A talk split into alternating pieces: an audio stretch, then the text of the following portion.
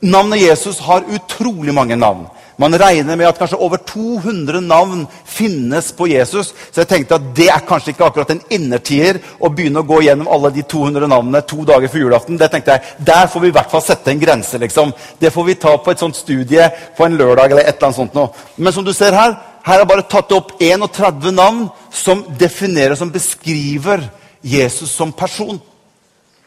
Eh, ordet Jesus Selve ordet Jesus kommer jo ikke inn i bildet før denne engelen kommer til, kommer til Josef og sier at du skal føde en sønn. Det står i Matteus kapittel 1 og vers 21. Du skal få opp det verset.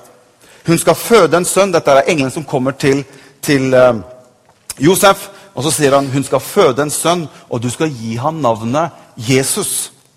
Og så sier han noe i tillegg. For skjønner, Ordet Jesus det er det greske ordet for det hebraiske ordet Jeshua, som betyr egentlig frelser.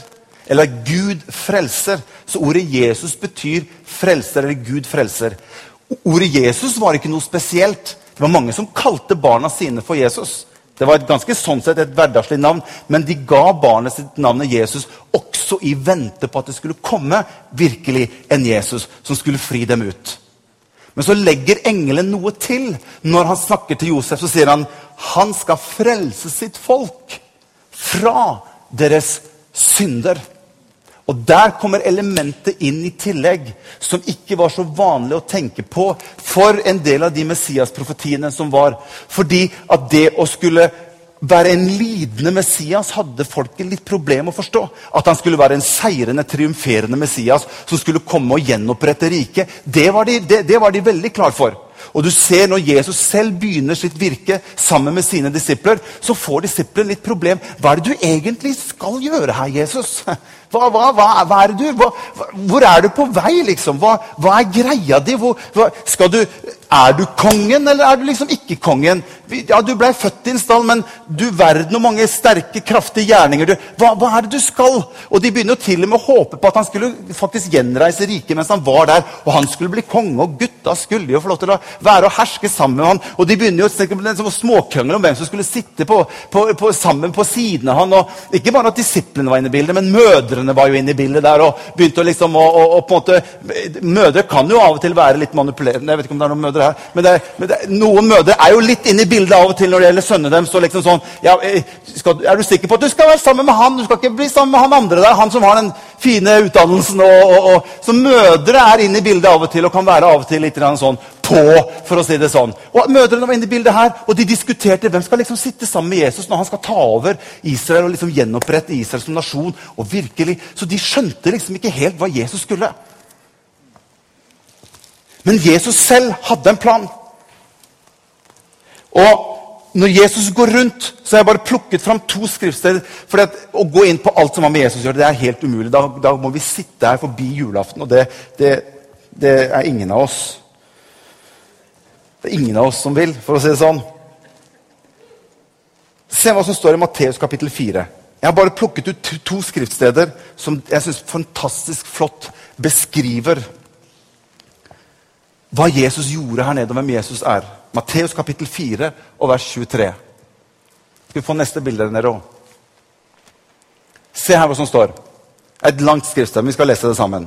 Jesus gikk omkring i hele Galilea, underviste i synagogene deres og forkynte evangeliet om riket og helbredet alle slags sykdommer og all slags skrøpeligheter i folket.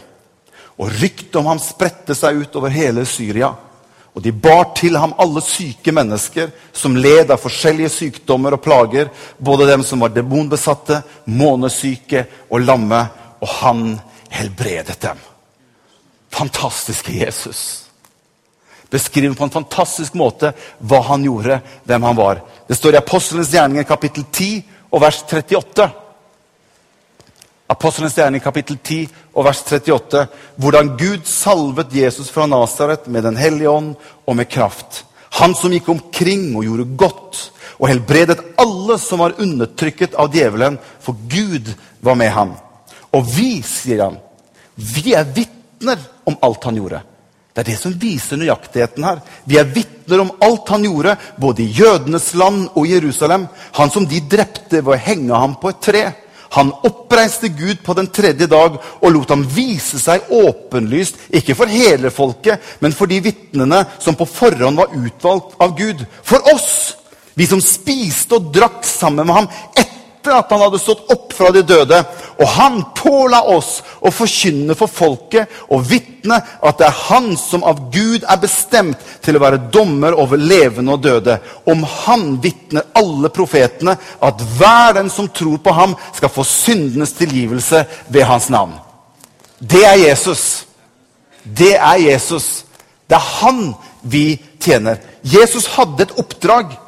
Jesus hadde et mål når han kom ned hit. Han, hadde, han, han, han, var på vei et sted. Og det er veldig spennende å se hvordan Jesus er i sin evne til å nå det målet som han måtte nå. Og det var korset. Jesus måtte nå korset for å bli en soning for alle mennesker. Alt som var gjort opp gjennom Gamle testamentet av ofringer, det pekte mot én ting, og det var det endelige offer som skulle komme, som Jesus Kristus var. Og Det er utrolig å se hvordan Jesus, når han navigerer seg gjennom de tre årene han er her nede Tre år med et så sterkt mål som han har. Og han navigerer seg, og han bruker alle ting som skjer rundt seg, nesten som en katalysator til å komme seg dit han skal. Han måtte nå korset. Bare se hvordan han bruker eksempelet med, med, med Lasarus som dør. Som er en god og kjær venn av Jesus. Som er bror til Maria og Martha. Og Jesus får beskjed om at Lasarus er død. Først får han beskjed om at han er syk, og Jesus venter litt. Og så dør Lasarus, og så kommer Jesus inn i bildet. Men Jesus har en plan nettopp med Lasarus sin død. For det som skjer, det er at når Jesus kommer inn i situasjonen, og Lasarus ligger allerede bak graven, holdt jeg på å si, bak stenen, og er død, så stiller Jesus alt folket opp. Og så begynner Jesus å demonstrere en kraft som folk ikke hadde sett før. Og han først sier 'rull steinen bort', sier han. Og der står de religiøse lederne. Der står folket rundt omkring, og han roper inn i graven 'Lasarus, Kom ut! Og Lasarus kommer ut, står opp fra de døde, og det eksploderer på det stedet hvor han er. De religiøse lederne går helt, det, de, de går trill rundt for dem. Og ryktet går helt tilbake til Kaifas, som er ypperste prest i Jerusalem på, det, på, den tiden der. Og de sier at dette kan ikke fortsette. Hvis han får lov til å fortsette sånn som han gjør nå, så vil hele folket komme til å tro på ham. Og vi mister all makt som nasjon. Så begynner Kaifas å anklage Jesus. Se hva som står, se hva som Kaifas sier i Johannes kapittel 11 og vers 50. Johannes 11 og 50. Dette er ypperstepresten som er den eneste personen som selv kan utse seg det offeret som skal være soningsoffer for hele Israel. For at Jesus skulle oppfylle hele profetien, så måtte den ypperste prest inn i bildet, som skulle peke ut han som offeret for hele verden. Han var avhengig av å oppfylle profetien. Og i dette øyeblikk, se hva som Kaifas sier her, så sier han det er bedre for oss at ett menneske dør for folket, enn at hele folket går til grunne. I det øyeblikket Kaifas sier dette, så overflyttes Golgata kors til å være et sted som kriminelle ble hengt på. Og det ble til et offersted for den Messias som skulle komme. Som skulle bli et soning for hele verdens skyld. Og Jesus bruker dette eksempelet, han bruker dette tilfellet med Lasarus, og han vet hva utfallet blir. Hvis jeg reiser han opp fra de døde i stedet for å helbrede han før han dør, så vil dette være en sterk katalysator katalysator for å bringe meg nærmere det målet, nemlig korset, hvor jeg kan få lov til å bli et soningsoffer for all verdens synd. Amen! Halleluja. Helt til slutt. Jeg har skrevet bare opp her. Hvem er Jesus for meg? Og Vi skal gå til Johannes kapittel 10, vers 9. Johannes kapittel 10, vers 9. Jeg syns dette skriftstedet her, for min del, er en veldig sterk illustrasjon for hvem Jesus er for meg. Jesus talte veldig ofte i lignelser og i bilder for å forklare noen ting som mennesket hadde vanskelig for å koble seg på. Så bruker han bilder og lignelser for å forklare vanskelige ting. Og vi merker også I vår kultur, den norske kulturen, så har jo ikke vi vært så flinke med bilder og lignelser. på den måten. Vi er liksom mer på ord. Men går du til andre kulturer, så er jo bilder og lignelser det er jo selve nøkkelen til å få, få, si, få, få fram selve budskapet. Og Jesus er flink til å bruke dette. Så sier han her 'Jeg er døren', sier han. Hvis noen går inn gjennom meg, skal han bli frelst. Og han skal gå inn og gå ut og finne beite. Tyven kommer ikke for noe annet enn for å stjele og drepe og ødelegge. Men jeg har kommet for at de skal ha liv og det i overflod. Jeg er den gode hyrde.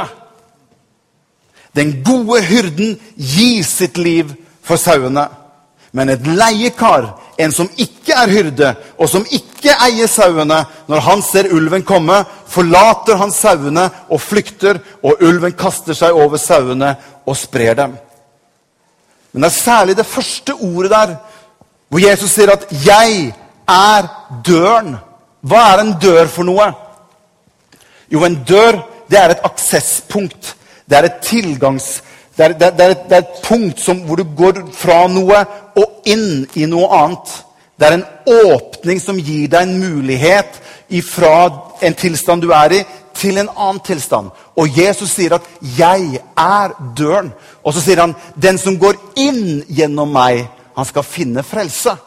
Så Jesus sier at 'jeg er døren'. Den som går inn gjennom meg, han blir frelst. Men Jesus stopper ikke der. Han sier han skal gå inn og skal gå ut og finne beite. Det er, en, det er en sannhet som Jesus prøver å vise disiplene sine. At opp opp gjennom Det gamle testamentet så har det vært en del ting som dere ikke har fått tatt del i, som dere ikke har fått tak på, som ikke har vært en mulighet for dere å oppdage og oppleve. Men nå har jeg kommet, og jeg er døren, jeg er adgangspunktet inn i det som har med Guds rike å gjøre. Dere kan få lov til å ta del av Abrahams løfter og velsignelser igjennom meg. Alle Guds løfter, så mange som de er, de har fått sitt ja og sitt amen i Jesus Kristus. Og Du kan få lov til å gå inn, og du kan få lov til å gå ut og finne beite. Hva betyr det for noe? Jo, det betyr at jeg har med meg denne døren. Jeg, det er derfor jeg, jeg liker liksom å se for meg at jeg har med meg jeg har med en svær karm med en dør i. liksom. Jeg har med meg denne døren som er Jesus. Jeg kan være på kontoret og gå gjennom den døren. Jeg kan være på skolen og gå inn gjennom den døren. Jeg kan være på arbeidsplassen min og gå inn gjennom den døren. For det er ikke en fysisk dør, men det er en åndelig dør som sier at jeg er døren. Den som går inn gjennom meg og går ut Han skal få lov til å være med og oppleve og erfare meg i livet sitt. Jeg har med meg denne døren overalt. Og det er noe at jeg opplever at når jeg er inne i den døren, så deler jeg fellesskap. Jeg er i hans nærhet. Jeg opplever hans herlighet over meg, og jeg kan ta del i han. Og når jeg går ut den, så kjenner jeg det at jeg har vært inni hans, inni hans nærhet, og jeg tar med meg noe av det ut igjen. Og denne vekslingssiden kan jeg ha med meg i livet. Den døren er så effektiv at han kan gjøre baderommet mitt om til en kirke. Denne døren er så effektiv at den kan gjøre bilen min om til et lovprisningssted. Denne døren er så effektiv at overalt hvor jeg er, så kan jeg få lov til å erfare og gå inn gjennom den døren og oppleve fellesskap med ham. For han er ikke avhengig av å være ett sted, men jeg kan få lov til å gå inn gjennom den døren og være sammen med han uansett hvor jeg er hen. Amen. Kan ikke dere som er lovsanger, kan ikke dere komme opp? Skal vi synge litt? Rann? Du må vite at han er tilgjengelig for deg, og at du kan komme inn til han. Han tvinger ingen, men det er min vilje som bestemmer om jeg vil ha fellesskap med han. Han har sagt 'Jeg er døren'. Du vil aldri komme til en stengt dør. Du vil aldri komme til en dør hvor det står 'Kom igjen klokken fire'. Du kan komme til den døren klokken tre på natten eller klokken elleve på kvelden. Den er alltid tilgjengelig. Jeg trenger ikke gå via en annen menneske for å få tilgang til den døren. Den er alltid der for meg. Han går aldri tom på kraft. Han er aldri utsolgt på nåde. Jeg kan alltid få lov til å komme inn og oppleve at det han har gjort for meg, det er tilgjengelig for meg. Alltid. Jeg er døren, sier Jesus. Den som går inn og går ut, skal få lov til å finne beite. Jeg er der for deg. Jeg er alltid ved din side. Vær sammen med meg og oppleve at noe av det som du opplever i min nærhet, kan du få lov til å oppleve velsignelse av på utsiden. Han leder meg til grønne enger. Det er akkurat det samme som står her om beite. Jeg opplever at det er noe som skjer når jeg er sammen med han. Når jeg tar med meg ut i verden ellers, så opplever jeg han er med meg. Han går aldri tom for kraft eller nåde. Han er klar for fellesskap med meg når som helst. Når jeg trenger ham, så er han der. Men noen mennesker er av og til for stolte til å oppleve ham. Noen mennesker kan stå på kanten av denne døren aldri gå inn gjennom den døren. Han har satt foran oss en åpen dør, men det er min og din beslutning i å gå inn. Og Jeg tenker noen ganger på den døren her som en mulighet for å oppleve Han. Når vi kommer sammen som Guds folk og vi begynner å tilbe Jesus, så er døren åpen, og han inviterer oss inn for å være sammen med ham. Og Jesus sier at tyven kommer for å stjele, myrde og ødelegge. Det er ikke det han sier at han ikke kommer, men tyven kommer. Med sikkerhet. Og han sier til og med agendaen hva tyven gjør. Han kommer for å stjele, myrde og ødelegge. Men jeg har en dør, sier Jesus, så du kan få lov til å være sammen med meg. Så selv om tyven kommer, vær beredt. Bruk døren, for tyven kommer. Bruk døren, for tyven kommer til å anklage deg. Tyven kommer til å angripe ditt ekteskap. Tyven kommer til å angripe din familie. Tyven ønsker å angripe din helse, dine barn, dine omgivelser, din økonomi, din fremtid. Tyven kommer! Men jeg er døren, sier han. Og den som går inn og ut gjennom meg, skal få lov til å finne beite. Så sier han, men jeg har kommet for at dere skal få liv. Og overflod av liv. La oss reise oss opp, alle sammen. Halleluja. Du må bare unnskylde at jeg blir litt begeistra for Jesus. Men når jeg sitter og leser, når jeg sitter og sammen med han, så kjenner jeg at jeg har vært inni den døren. Opplevd han, erfart han, kjent han har vært nær, styrket meg. Halleluja. Han er begynnelsen og enden. Han er alfa og omega, den første og den siste. Han er lys, han er kjærlighet og godhet. Han er trofast og barmhjertig. Han er Gud. Han er rettferdig, mektig og majestetisk. Hans veier er rett, og hans ord er evig. Hans vilje er uforanderlig, og hans tanke er rettet mot deg og mot meg. Han er min frelse. Han er min fred. Han er min trøst og min glede, og han er herre i mitt liv. Jeg tjener han fordi han la ned sitt liv så jeg kunne få leve. Han er den viseste blant de vise, og han er kongenes konge. Hans mål er fellesskap med meg. Han vil aldri forlate meg og aldri glemme meg. Han vil aldri overse meg og kansellere av våre avtaler. Når jeg faller ned, så løfter han meg opp igjen. Når jeg mislykkes, så tilgir han meg. Når jeg er svak, så er han min styrke. Når jeg har kommet på avveie, så gjør han mine veier rette igjen. Når jeg er redd, så gjør han meg frimodig. Hvis jeg snubler, så er han min faste klippe. Er jeg sulten, så gir han meg mat. Han er et vern og et skjold mot mine fiender. Når vi møter døden en dag, så vil han komme og lede oss alle hjem til seg. Han er alt. Han er for alle, overalt. Jeg er hans, og han er min. Han er Guds lam som har tatt bort all verdens synd. Han er den som skal komme igjen, og hans navn er over alle andre navn. Han er Jesus. Han er Jesus. La oss være med å gi Jesus ære og pris. Han er Jesus. Han er Jesus. Å, vi priser deg, Herre. Vi synger